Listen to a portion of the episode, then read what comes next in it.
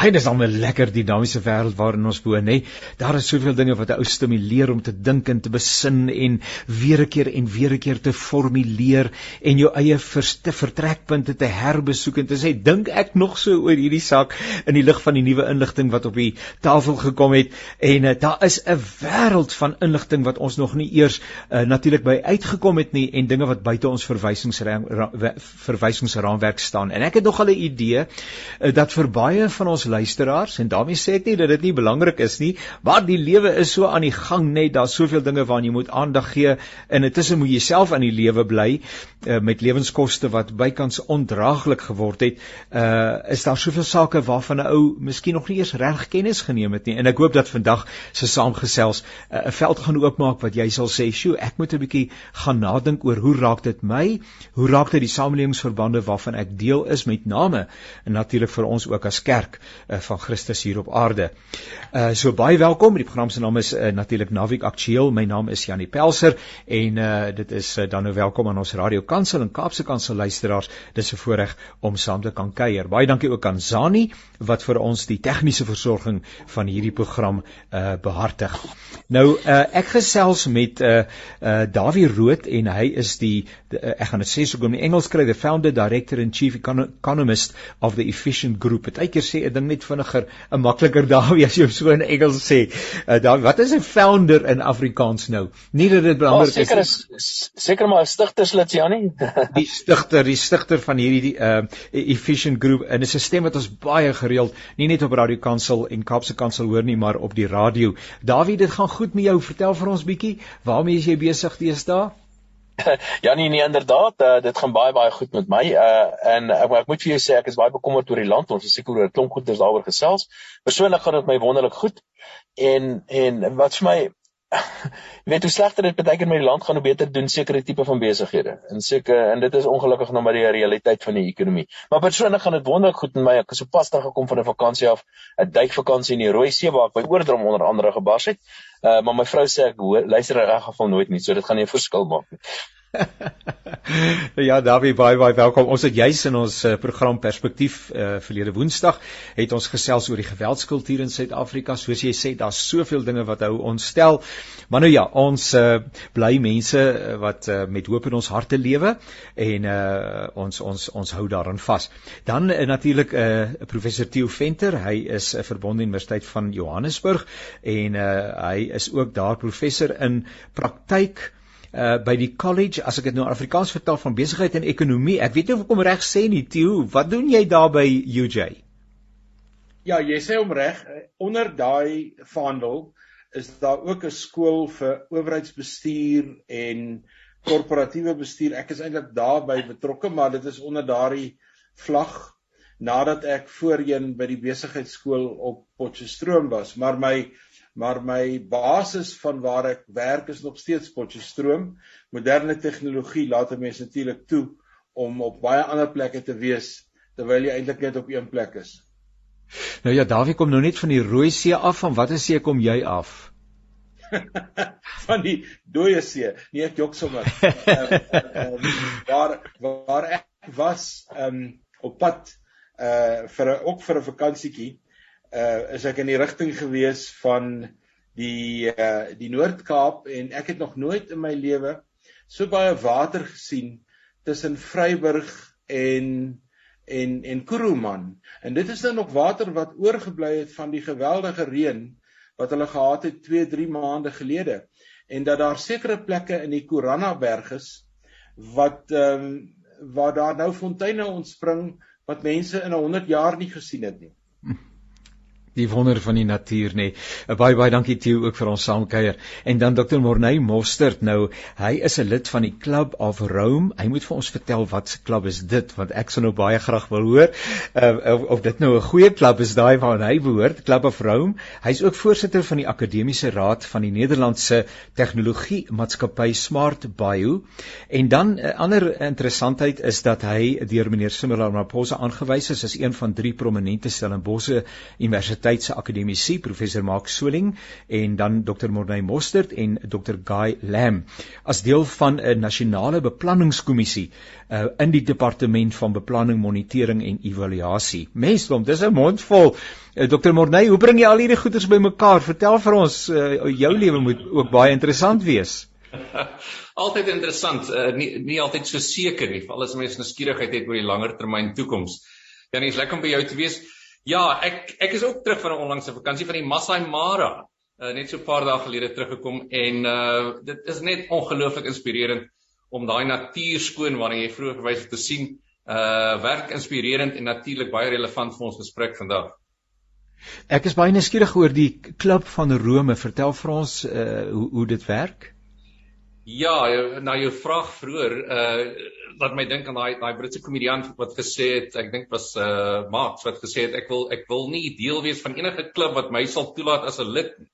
Uh maar dit is van hulle standaarde. Uh maar die die die Club of Rome um is 'n uh, 'n transdissiplinêre liggaam met so 100 uh uh vollede van reg oor die wêreld, mense wat hulle self bemoei met die langer termyn toekoms uh van die mensdom en die planeet. Ek dink hulle hulle bekendste publikasie waarskynlik was in 1972 Limits to Growth. Toe hulle gesê het hier by die 2020s gaan ons 'n paar probleme begin sien met die klimaat en nou ja, hier is ons. Nou baie baie dankie ook. Ek waardeer uh en ek gaan sommer op eerste naam as dit reg sê Morney en Dawie en Tieu. Ehm um, en ek wil 'n bietjie somber begin. Ehm um, en ons soek eintlik binne hierdie somber omgewing waarbinne ons onsself bevind, want ek dink dis ook realisties dat ons omgewing dalk 'n bietjie donker is. Uh soek ons dan nou na uitweë en wat gee hoop en waarheen moet ons op pad wees? Uh, in die afgelope paar dae uh, was daar 'n konferensie en help my as ek die dinge verkeerd verwoord wat in New York gehou is, die Verenigde Nasies uh, het daar konferensie gehou oor sogenaamde volhoubare ontwikkelingsdoelwitte. Ehm um, wat my opgeval het was die was die inleidende of die openingstoespraak van die sekretaris-generaal uh, Antonio Guterres uh, wat vir wie se naam ons baie dikwels uh, in die media hoor. Uh sy voordrag het so begin: Our world is in deep trouble. Our world is in deep trouble. Ek haal enkele frases net uit sy voordrag uit. Time is running out. Time is running out. 'n Ander frase, we meet at a time of great uncertainty, profound suffering, dangerous inequality, instability, climate chaos. En dis die agtergrond waarteen daardie konferensie plaasgevind het. En um, dan eh, het ek terwyl ek daar by treadmill by die gym was, luister ek op Mandela Dag hoe dat uh, verskillende hoogwaardigheidsbekleers ehm um, uh, ook onder andere die uh, uitnemende voordrag van die burgemeester van New York ehm um, uh, hulde bring aan meneer Nelson Mandela en sy nalatenskap. En hulle het bykans elkeen van hulle het aangesluit by die by die konteks van 'n wêreld in absolute absolute desperate nood.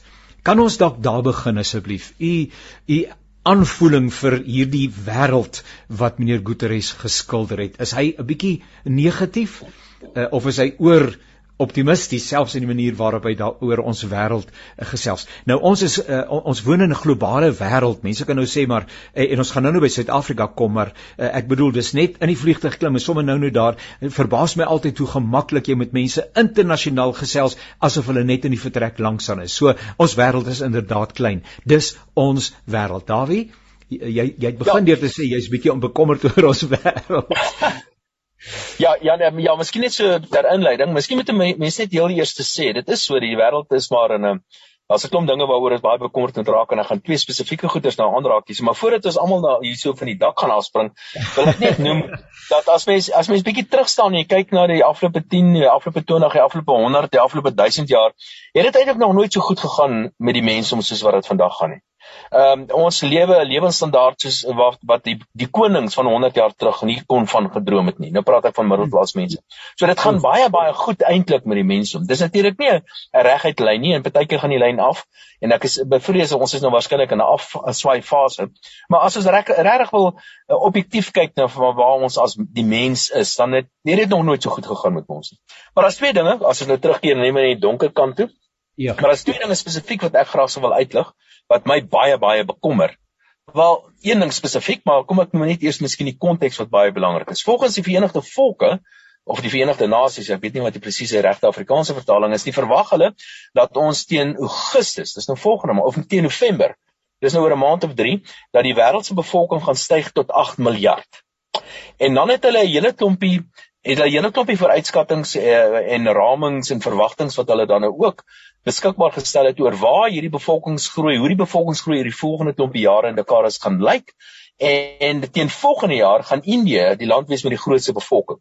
Ehm um, daardie streek wat India insluit Suid-Asië. Dis waar die sterkste bevolkingsgroei gaan plaasvind en dan gaan daar ook baie baie sterk bevolkingsgroei nog steeds plaasvind in Afrika en meer spesifiek in Sub-Sahara Afrika. En die lande in Sub-Sahara Afrika wat die sterkste bevolkingsgroei gaan toe in terme van aantal mense is lande soos byvoorbeeld Tansanië, Demokratiese Republiek van die Kongo, die Kongo self. Dis lande waar en dis arm lande. So in daai arm lande gaan daar baie baie baie meer mense in oor die volgende klompie dekades wees. Uh daar's natuurlik heelwat lande waar die bevolking skerp besig is om af te neem.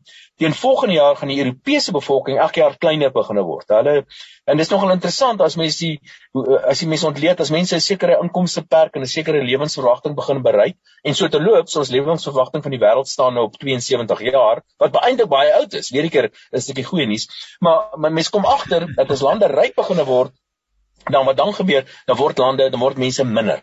So die ryk lande gaan minder word en die armer lande gaan baie baie meer word. En dit gaan sekere daar gaan sekere politieke en sosio-ekonomiese uitdagings wees en allerlei ander uitdagings ook wat nou gepaard gaan gaan met hierdie verandering in demografie wêreldwyd. So dis een ding wat ek wil wil noem en ons kan miskien daaroor gesels. Die tweede ding wat ek wil noem is dat uh, dat ons is die wêreld is op pad na 'n hongersnood toe. Laat ek dit sommer nou op die tafel sit. Hierso is baie lande wat al klaar besig is om hongersnood te ervaar. Uh die ek het vanoggend 'n artikel gelees oor Marokko wat erns uh, Marokko voer baie goed in van van uh, uh, uh sonneblom en graan in byvoorbeeld van die Oekraïne. So Marokko 'n land is die nuutste land. 'n Chad is amptelik nou in 'n hongersnood. Daar's groot groot drama aan die gang in Sri Lanka byvoorbeeld en 'n hele klompie ander ander lande is op pad waar daar groot uh um uh, uh opstande is en waar mense werklik waar voedselpryse is wêreldwyd skerp aan die styg. Uh, en nie net voedselpryse en energiepryse en dit alles daarmee saam ook. So nou dit in die konteks van die be bevolkingsveranderings wat besig is om plaas te vind, kan ek sommer nou vir jou sê ons gaan die, alreeds hoor ons en ons gaan oor die volgende klompie maande net meer en meer hoor van lande wat hongersnood ervaar, werklike hongersnood ervaar. En ek is bevrees dat die politici is besig om hierdie goed verkeerd te hanteer. 'n Goeie voorbeeld is Indië wat die uitvoer van graan gestop het. Nou, jy mag nie graan uitvoer uit Indië nie. Hulle is ook 'n groot produsent van graan en dit beteken ander lande het nou minder, maar nie net dit nie. Hulle is ook besig om die produksie van hulle landbou sektor in Indië te verwring met hierdie tipe van goed. So, dis belangrik dat ons politieke leiers hierdie tipe van krisis op die kort termyn reg hanteer en die die die syne wat ek sover sien maak my bekommer dat ons politieke leiers dit verkeerd gaan hanteer. Laat ek daarmee stop. Baie baie baie dankie. Uh, kom ons gou 'n bietjie uh, uh, Dr. Morney, uh, hierdie wêreld, hoe, hoe sien jy hom? Hoe kyk jy hom? Ja, ek dis 'n komplekse prentjie en, en dalk is kompleksiteit een van die soort van uh toegangswee tot begrip daarvan. Ons kan dalk nou nog gesels daaroor. Maar ja, jy's reg, baie aanhalings van Guterres kom van die hoë vlak uh hoë vlak politieke forum.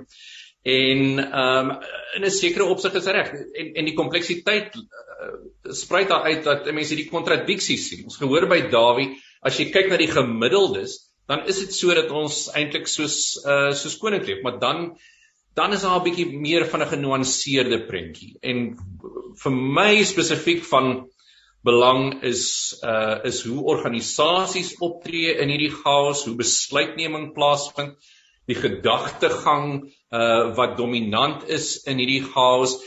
En as jy so oor hoofse uh perspektief probeer kry op die chaos dan dan sien jy soos vir die Club of Rome self ook gesê het in 1972 ehm um, dat jy sien 'n 'n verhoging in die frekwensie uh van van disrupsie van ontwrigting met ander woorde dit gebeur al hoe meer gereeld en daarmee saam en jy kan so 2 by 2 matrix daarmee skep daarmee saam 'n verhoogde ehm um, ernstigheidsgraad of impak van die disrupsie of ontwrigting en beide die twee uh, tendense kan 'n mens waarneem beide die die frekwensie en die impak of ernstigheidsgraad.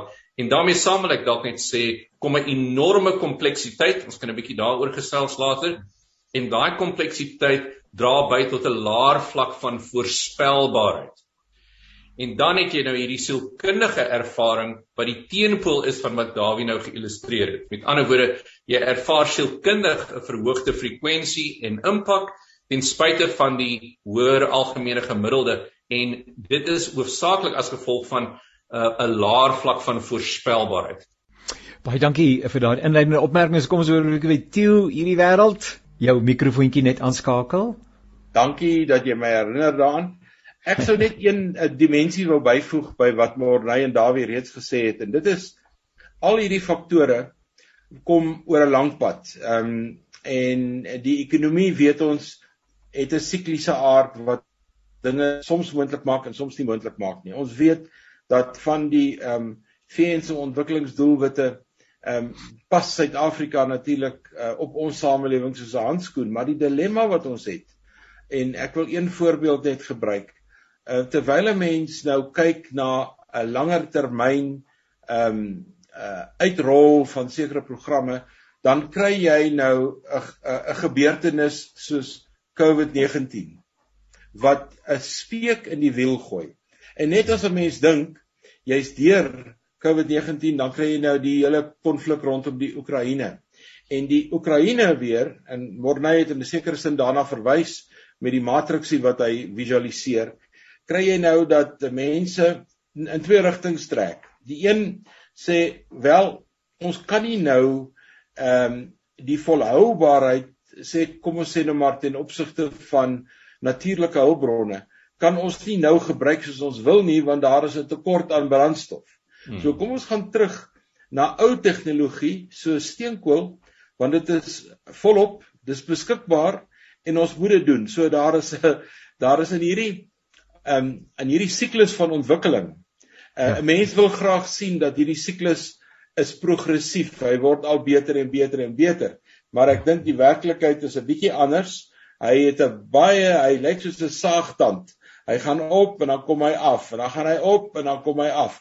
Mense sou sê oor die lang termyn as jy al daai skerp kante op en af uithaal, is daar 'n klein bietjie verbetering tegnologies en andersins, maar ehm um, ek dink die idee dat ons die hele tyd besig is om dinge beter te maak is 'n bietjie ooroptimisties. Nou nou help vir ons asseblief kollegas eh, hierdie sogenaamde ontwikkelingsdoelwitte van die Verenigde Nasies. Wat het dit nou met hier al hierdie goeters te doen? Hoe skakel die goed bymekaar? Wat is hierdie ontwikkelingsdoelwitte, die agtergrond en wat wil dit bereik? Wanneer moet dit uitspeel? Is daar 'n tydraam ensovoorts ensovoorts? Uh ek gaan sommer by Morney begin want hy skud die kop en dan dink ek dat hy sê nie ek weet. Dr. Morney, begin ons begin by jou asseblief.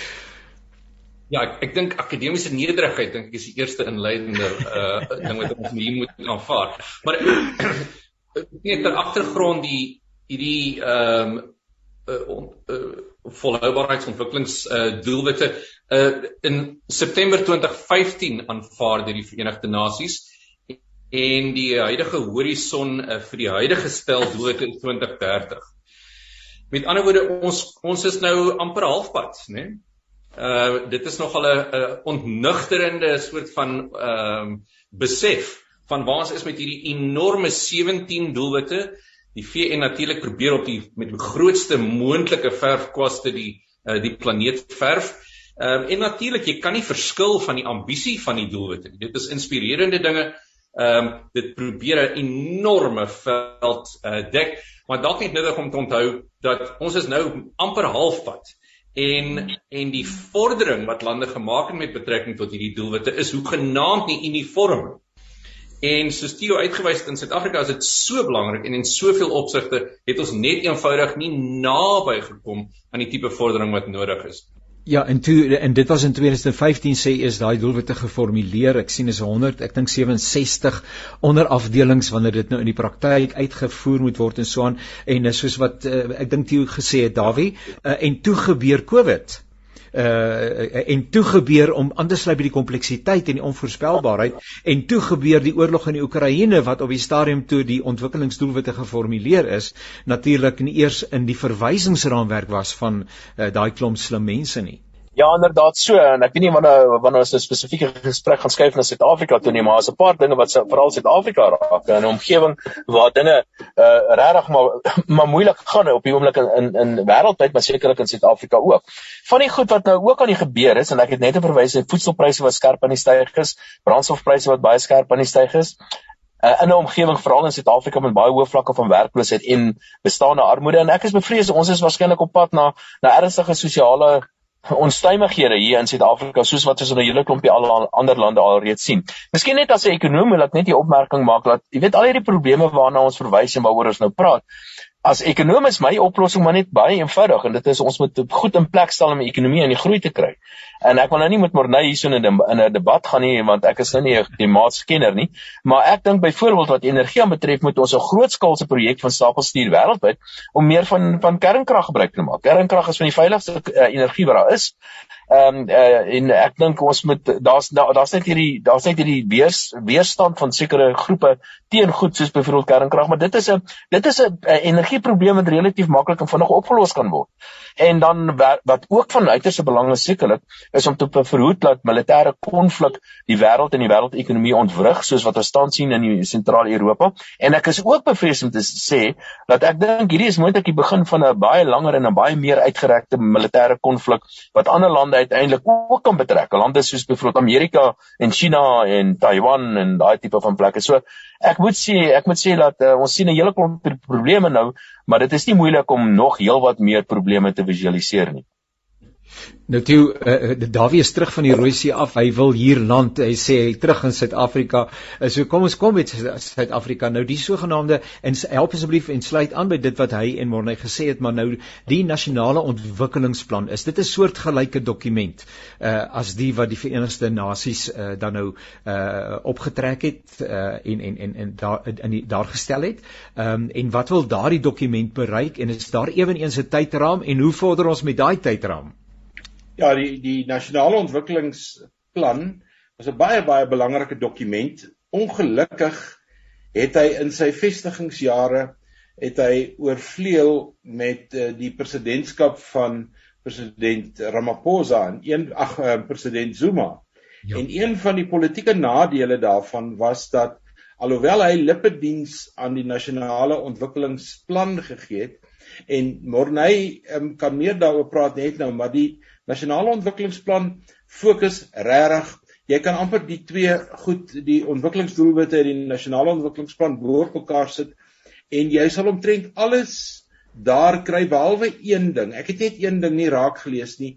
Onder die ontwikkelingsdoelwitte van die VN is daar 'n baie duidelike ehm um, uh gedeelte of 'n hoofstuk wat gaan oor konflik, oor vrede en daardie soort van goed die nasionale ontwikkelingsplan sover ek hom deurgewerk het, het nooit na die militêr verwys nie. En ek het selfs my mening is dat die militêr in Suid-Afrika net om een voorbeeld te noem 'n baie groot bydrae kan lewer tot ontwikkeling op verskillende terreine as dit net reg bestuur word. Maar in Suid-Afrika is die dilemma dat um, ons gaan duidelik ons doelwitte mis Uh, maar die nasionale ontwikkelingsplan in my oë was altyd 'n normatiewe dokument. Dis 'n dokument om na te streef, soos wat hierdie ontwikkelingsdoelwitte ook is. En dit is om vir mense 'n um, 'n horison te gee waarna hulle kan mik. As 'n mens net kyk na as jy na die na die Suid-Afrikaanse na die staatsrede luister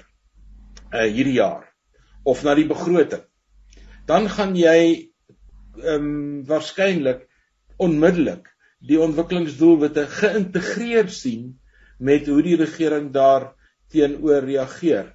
'n uh, 'n kwessie van armoede, 'n kwessie van honger en hongerte, hongersnood, hoe jy dit moet bestuur. Ja. 'n uh, gesondheidsorg, 'n uh, onderwys, ehm um, geslagsgelykheid, skoon water. Dis sulke praktiese goed. So jy kan jy kan dit gaan haal en ek weet daar is programme in die regering waar departemente moet sê hoe hulle aan hierdie goed voldoen. Ongelukkig, ten spyte van die hoë ehm um, wat sal ek dit nou noem? Morele vlag wat ons opsit oor die ontwikkelingsdoelwitte. Het dinge soos korrupsie, ons vermoë om hierdie goederes tot uitvoering te bring baie baie baie sleg benadeel en ehm um, vir my is dit so dat as jy skaars bronne het en dis net maar die woord wat oor die algemeen gebruik word resources ja. as jy skaars bronne het min geld dan is die premie op goeie bestuur en verantwoordelike bestuur des te hoër en ek wil nou tong in die kies en ek hoop Dawie reageer daarop. As ons nou kyk wat in Suid-Afrika gebeur het, nee, ek Dawie reageer op wat Dawie so 'n bietjie binnekennis.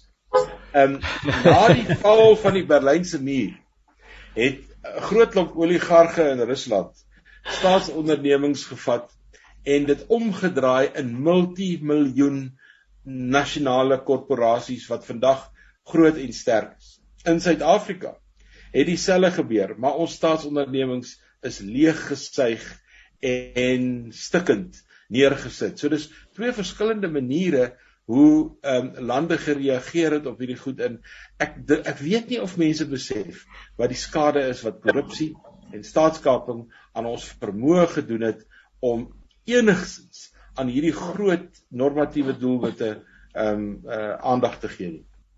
Janie, kan ek vinnig inspring en eh, kommentaar gee? Ek sê dit vinnig wees.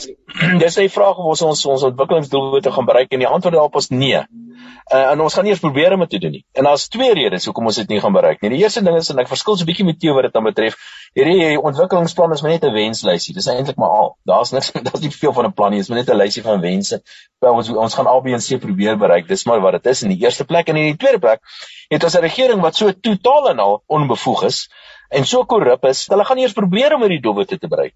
Hierdie regering is uh, met 'n bietjie geluk as die regering op pad uit en dan gaan ons 'n ander regering sien en dit is al wat ons het eintlik vir praktiese lyn is nie 'n regering vandag nie, want hulle is soveel besig en vanoggend hoor ek nou weer of lees ek nou weer 'n verslag dat 9 uit die 11, Theo help my hierso, streke ANC streke in in in KZN, hulle wil nou vir Mkhize teruggee as president. Ja, of hulle gaan hom nou ondersteun as as president. Hierdie ANC staan nie belang om te regeer nie. Hierdie regering regeer nie. Ehm um, hy stel net belang in om sy politieke oorlewing op hierdie stadium. So, dis die twee redes. Dis 'n wenslysie en ons het 'n swak regering wat in elk geval niks gaan doen of min gaan doen. Morney, uh, help Frans asseblief ehm um, uh, in terme van hierdie ontwikkelingsdoelwitte en uh, Dawie sê dis eintlik net 'n wenslysie, daar kom eintlik niks van nie. Ehm um, uh, en ek dink 2030 is ewenigs die tydterraam waarbinne van hierdie dinge gerealiseer moes gewees het, maar as jy ja. mense na die praktyk kyk, dan lyk dit vir my dat die vermoë nie daar is om dit uh, ten uitvoer te bring nie. Ek dink dit is absoluut so. Ek dink uh As mens teruggaan na die uh, na die eerste nasionale beplanningskommissie wat uh wat hierdie ding wou momentum gee, Theo daarna verwys, dan dink ek mense moet besef dat soos die ding van sy voete af geprobeer kom het, is die staat eintlik gekaap.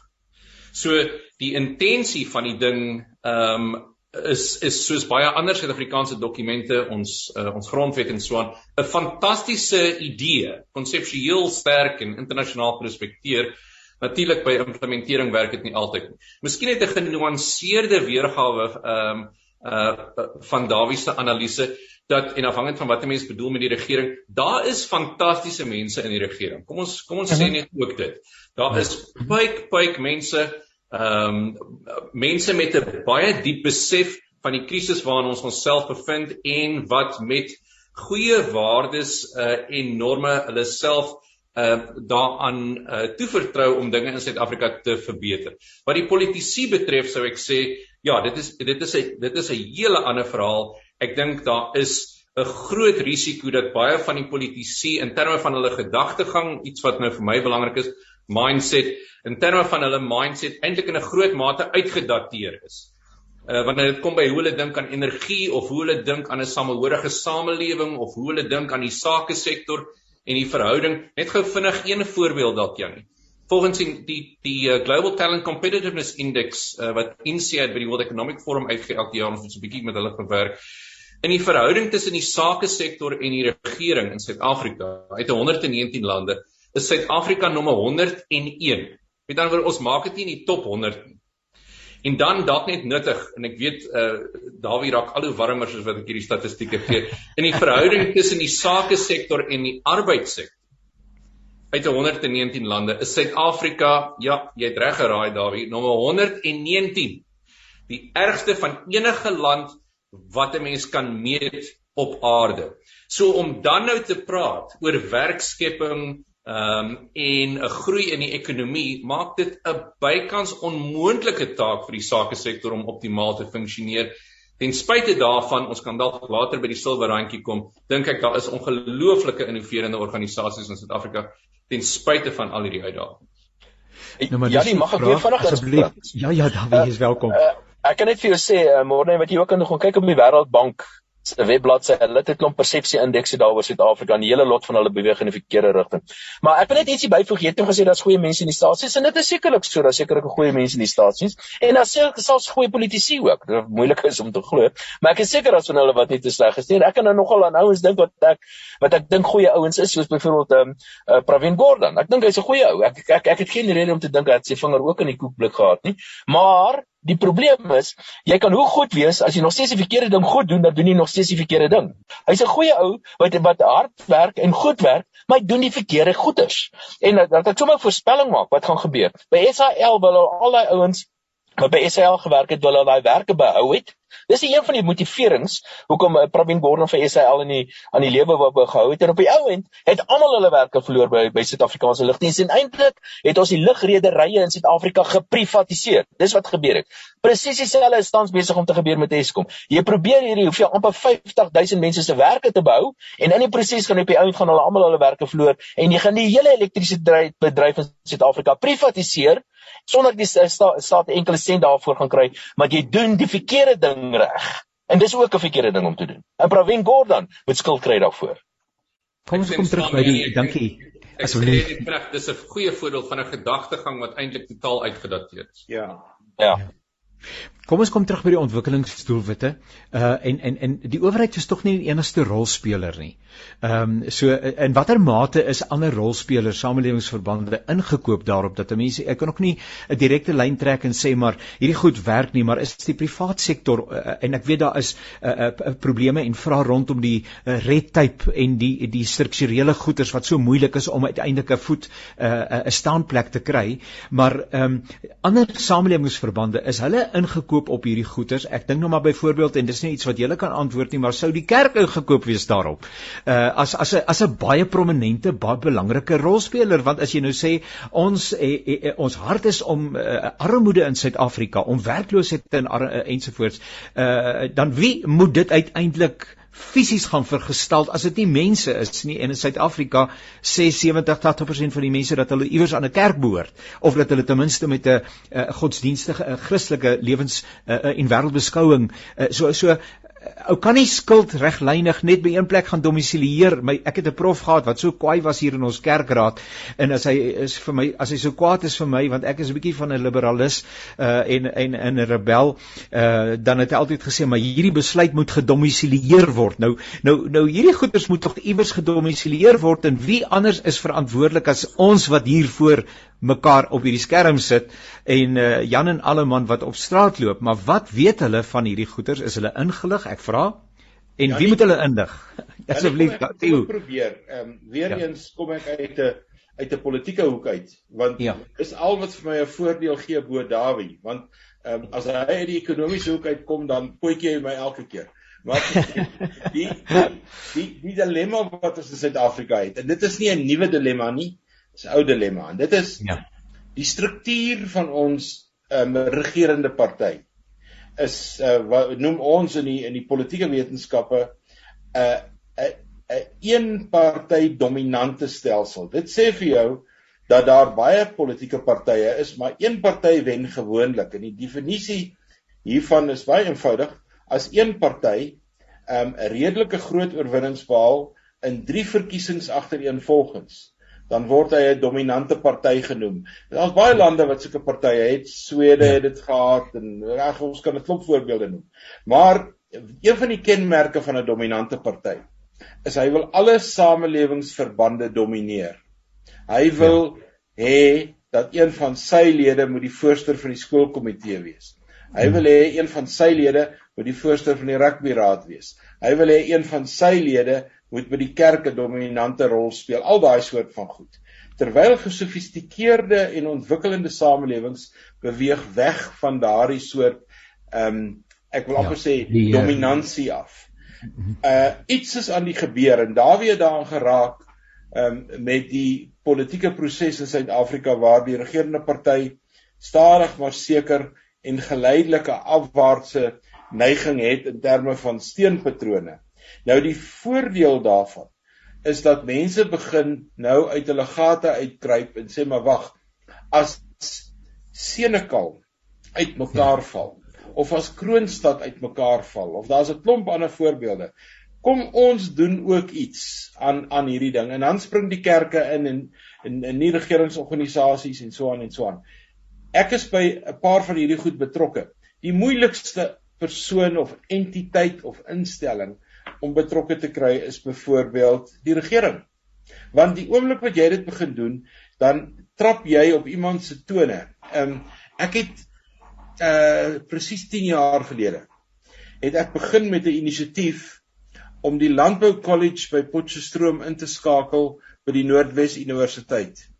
En ek kon eenvoudig geen politieke samewerking kry nie. Ons was gereed om dit te doen. Ons sou die hele ding oorneem. Ehm um, jy weet die Noordwes Universiteit is in 'n sekere sin 'n anomalie. Hy's 'n paar anomalieë, maar een van die anomalieë is hy sit in die middel van die Emilie driehoek, maar hier's nie 'n behoorlike fakulteit landbou nie. Dis vreemd. Ehm um, dat dit ooit histories so gebeur het. Nou dat die Landbou College uitmekaar val en dat die regering net eenvoudig nie by by die by die finansiering en by die finansiële modelle kan uitkom nie nader hulle die NWI en sê wil julle nie oorneem nie. Hulle kon dit al 10 jaar gelede gedoen het. So hier is baie sulke geleenthede. Ek is 'n optimis. Ek glo 'n mens moet elke keer wanneer hierdie goed gebeur, moet jy maar op meriete daarna kyk. Ek wil nie net 'n streep daardeur trek en sê dit gaan nooit gebeur nie. En ek dink die mindset en ek hou baie van Morney se benadering, ek en hy het al 'n bietjie hieroor gepraat. Die gedagtegang wat jy het gaan bepalend wees vir hoe jy vorentoe kyk en ek dink 'n mens moet die voordele van die omstandighede waarin ons is wat nie positief is nie, maar dit kan aanleiding gee tot 'n positiewe uitkoms as mense anders dink. Ja nee. Goed kom. Ja, asseblief. Weet jy, jy het gevra of of aan die, die ander rolspelers ook inkoop in hierdie hierdie doelwitte. Ja, en uh, ja. as ek nou maar vir 'n oomblik besigheid kan verteenwoordig op hierdie platform vandag, dan kan ek vir julle sê hulle koop hoegenaamd glad nie daarbey in nie. Hoegenaamd glad nie. Hulle weet nie eers daarvan nie. En weet jy wat, dis 'n goeie ding. Dis 'n goeie ding want besigheid sal nie daarin belang om vrouens te bemagtig of om on ongelykheid te te hanteer of besigheid besigheid staan daar om 'n lang besigheid te doen. En weet jy dis 'n goeie ding eh, die in afstande hierdie sosiale en politieke vereistes van op besighede geplaas word. Dan sien besighede eenvoudig dit is 'n belasting en hulle hanteer dit as 'n belasting. Jy doen wat jy moet doen, dit kos my geld. Ek ek probeer dit net maar hanteer, probeer die boksies te tik en dan gaan ek aan. Dis so en dis 'n goeie ding en ek sê dit is 'n goeie ja, ding. Daar is daar besighede wat anders is as dit. Nee, dit nee, dit is alles deel van die show. Dit dis alles deel van die show. maar laat ek van daai show is baie oortuigend hoor. Ja, nee, maar hulle is oortuigend, glo my. Maar maar maar die, maar die goeie ding is wat ek sê Jannie, die goeie ding hiermee saam is dat die enigste oplossing, die enigste oplossing vir die heel meeste van ons probleme is rykdomskepping. Dis net rykdomskepping. Ryk rykdomskepping hou verband met met met elke denkbare ding wat goed is vir ons, vir mensdom. En dit hou verband met goeie gesondheid, dit hou met 'n skoon omgewing, dit met goeie kwaliteit gesondheidsdienste. Onder elke elke denkbare ding hou verband met rykdomskepping. En dis die antwoord op die ou end. As ons kan rykdomskep en die ekonomie en die groei kan kry, En dis die enigste ding wat ons eintlik behoort te doen. Dan gaan al hierdie ander wonderlike goeders in elk geval in plek val. Ek wil vinnig 'n voorbeeld noem. Ja, asseblief môre. Reageer daar. Ek ek, ek, ek dink dit dit is so dat dat ons het ontwikkeling nodig. Die die vraag is of dit beteken rykdom vir 'n paar ten koste van die oorgrootste meerderheid. Ja. En dit hoef nie so te wees nie. Daar is 'n kopskud bevestig dit. So ek ek dink ons is in 'n ehm um, ons ons ons moet in 'n meer genuanceerde manier begin dink oor oor wat ons bedoel oor ryk met rykdomskepping. En Ek dink die die era waar ons gedink het wel uh, goedkoop arbeid is die antwoord en dan maak jy 'n paar ouens ryk en dan is daar 'n soort van trickle down effek en dan het almal 'n fantastiese voordeel en dan dan lewe mense wonderlik.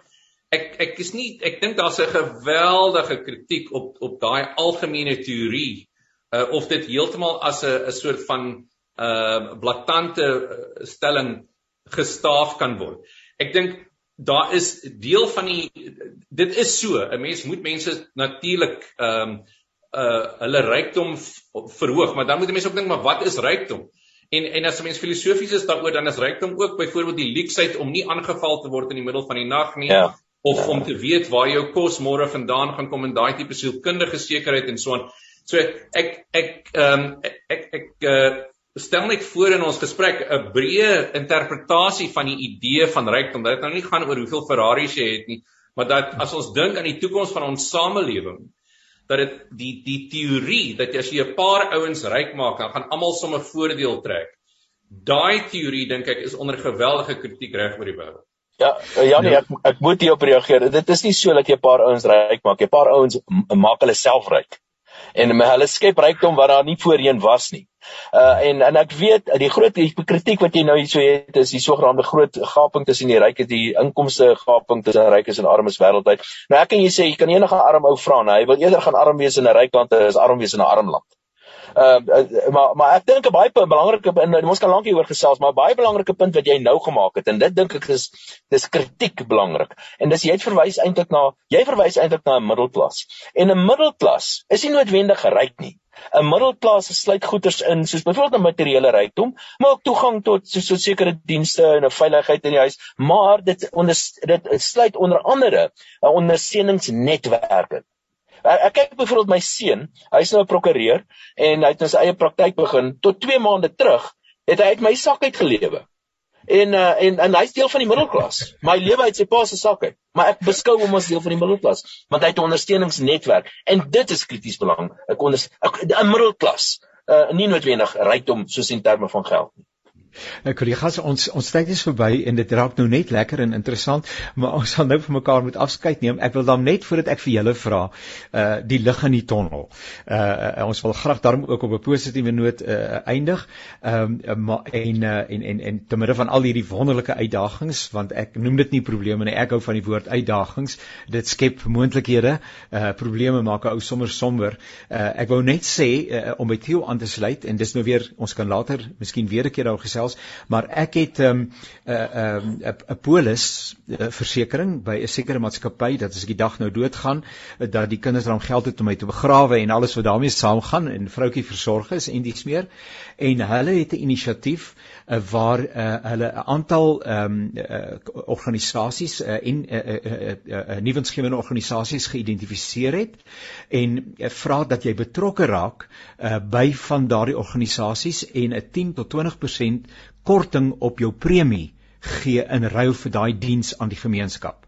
Nou dit is 'n wonderlike voorbeeld van uh, van die van 'n sakeomgewing of van 'n besigheidsomgewing wat sê maar ons is tog ook ingekoop op die op die herstel van van hierdie land en van sy mense. Ek noem dit maar sommer net ek dink dit is self dink ek is 'n wonderlike inisiatief maar kom ons uh, begin by by Dawie uh, en ek vra Dawie die lig in die tonnel by al hierdie ja. dinge wat ons met mekaar gepraat het. Ja nee, ek was so 'n bietjie bietjie uh, moetswillig geweest toe ek nou gesê het besigheidsstryd belang om geld te maak. Dit is natuurlik hoegenaamd nie die geval nie.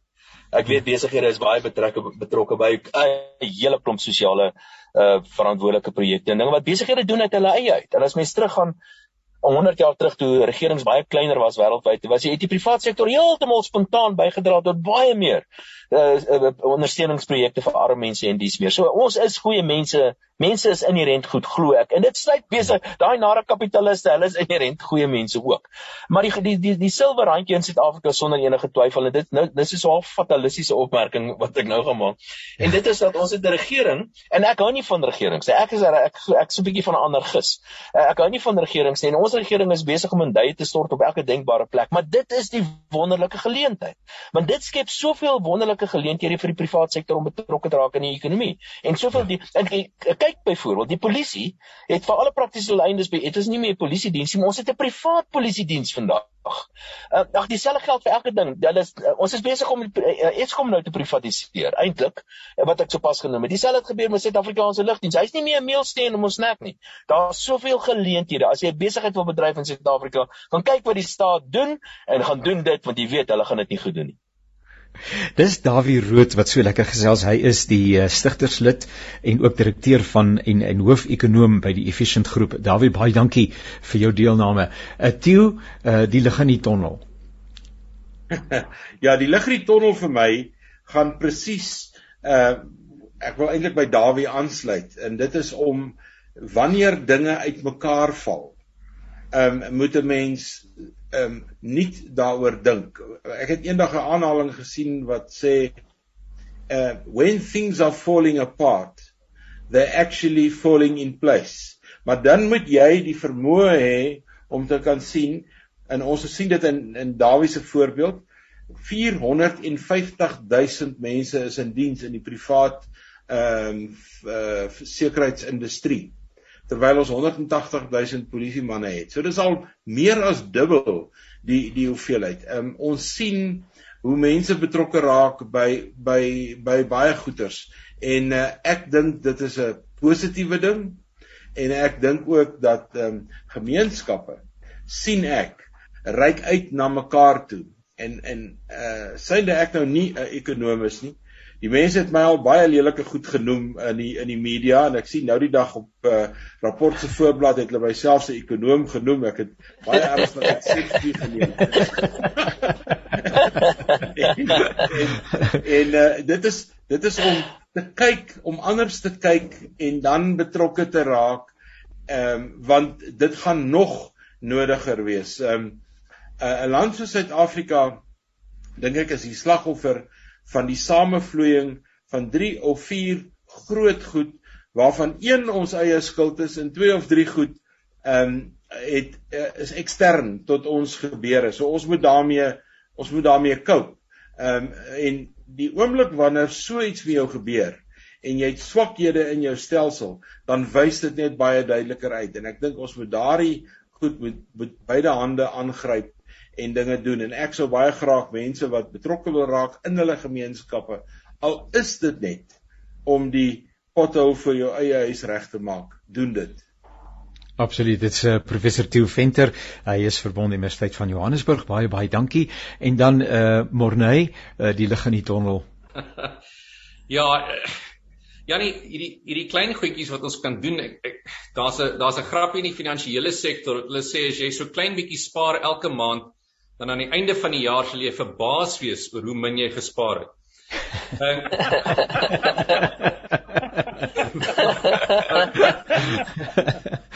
so vir my het ons 'n bietjie ons het 'n meer dramatiese skuif nodig. En ja, as 'n toekomskundige is optimisme en pessimisme is al twee voorbeelde van 'n 'n soort van kognitiewe vooroordeel, maar vir my ehm um, lê daai daai tekens van hoop in ons het nog steeds 'n aktiewe burgery Uh daar is goeie tekens daarvan. Ons het 'n groot mate van mediavryheid alhoewel dit in sekere opsigte onderdruk is. Ons het nog 'n redelike onafhanklike regsbank. Ek dink daar is baie goeie tekens dat uh dat dat dit ons kan help. Dan het ons in ons grondwet akademiese vryheid. As ek reg oor die wêreld gesels, dan sê ek altyd vir die mense van watter land jy ook al is, sit jou hand op as jou grondwet eksplisiet sê jy het akademiese vryheid in hierdie land. En dan is ek baie trots op ons grondwet want dit beteken jy kan enige ding gaan bestudeer en as dit eties gedoen is, kan jy dit gaan kommunikeer, jou resultate.